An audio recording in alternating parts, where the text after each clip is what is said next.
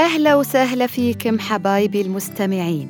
ومعاكم سوسن آل إدريس وبودكاست رحم الله والديك. برنامج خفيف أحكي لكم فيه حكاياتي وانطباعاتي في الحياة. اللي أرجو إنها تعزف على وتر في وجدانك من زمان ما سمعته. أو كنت غافل عنه عشان بعد ما تسمعني تدعي لي وتقول رحم الله والديك.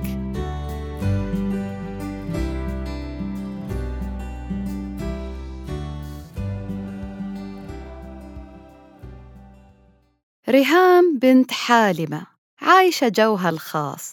من يوم ما كانت صغيرة وهي تحب تشاهد أفلام أبيض وأسود ومسرحيات الأطفال كانت مشاهدتها مختلفة عن باقي اللي حواليها. كانت تصفن على داك المسلسل أو الفيلم وتتخيل نفسها هي البطلة لدرجة إنه لما كان أحد ينادي عليها وهي تشاهد ما كانت تسمع. كانت مغرمة بالتمثيل وتجسيد الشخصيات المختلفة وتقليد الأصوات ومن حبها لها السوالف أبوها اشترى لها كاميرا فيديو وسخرت أخوتها عشان يكونوا طاقم العمل ممثل مخرج مصور وهي طبعا المذيعة صاحبة البرنامج أو بطلة القصة فكان ده شغفها اللي منور حياتها.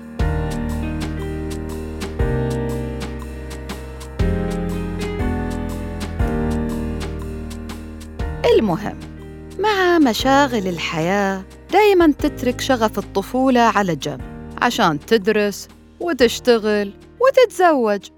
ما أدري ليش هالشغلات الثلاث تسبب إبادة جماعية لوناستنا الطفولية ونصير كلنا نصب في قالب واحد ألا وهو كيف نكون شبه بعض. المهم بعد ما نست ريهام شغفها وصارت توهم نفسها إن عدها شغف ثاني يناسب حياتها الزوجية والاجتماعية. استمرت على هالمنوال لعد ما صار تحول في حياتها الاجتماعية بعد ما وقع خلاف بينها وبين زوجها.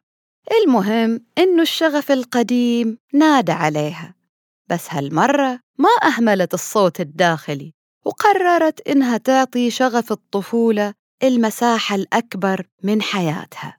فكانت سعيدة بخطواتها البسيطة الأولية في التطور. في شي هالمرة هي فعلا تحبه وصار تشجيع الجماهير والنقاد جزء من حياتها. كانت سعيدة لأنها تسوي الشي اللي تحبه فكانت تعطي من كل قلبها. لكن ويش لكن؟ دوام الحال من المحال. وعالم الأضواء رغم إنه يسمي حاله فن وجمال إذا ما انتبهت لشباكة اللي يتربص إلك بها فأنت وقعتي ولا حدش سامع عليك.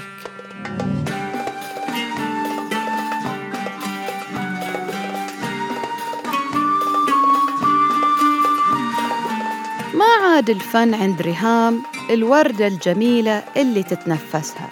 صار في تنافس ومقارنات. وهذا قال وهذا ما قال.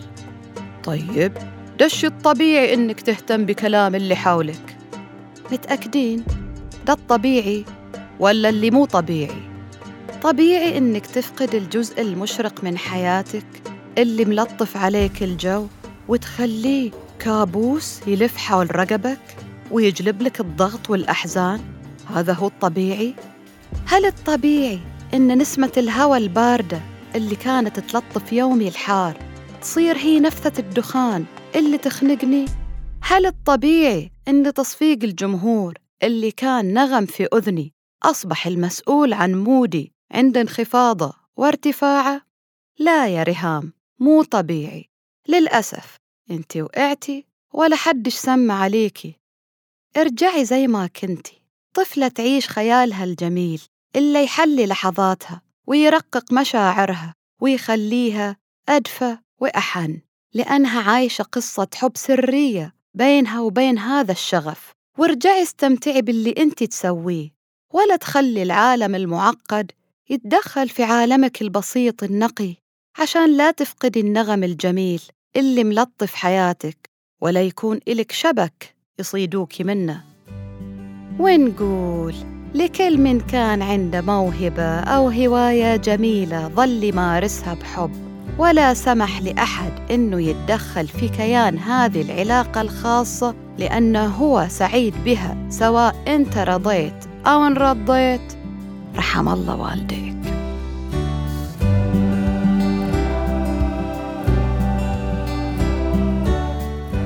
كنت معاك أنا سوسن آل إدريس. لا تنسى تشارك الحلقة مع اللي حواليك وتتابعني على حساباتي في ال social media واللي حطيتها لك في وصف الحلقة. الحين أقدر أقول لك أتمنى لك يوم جميل ورحم الله والديك.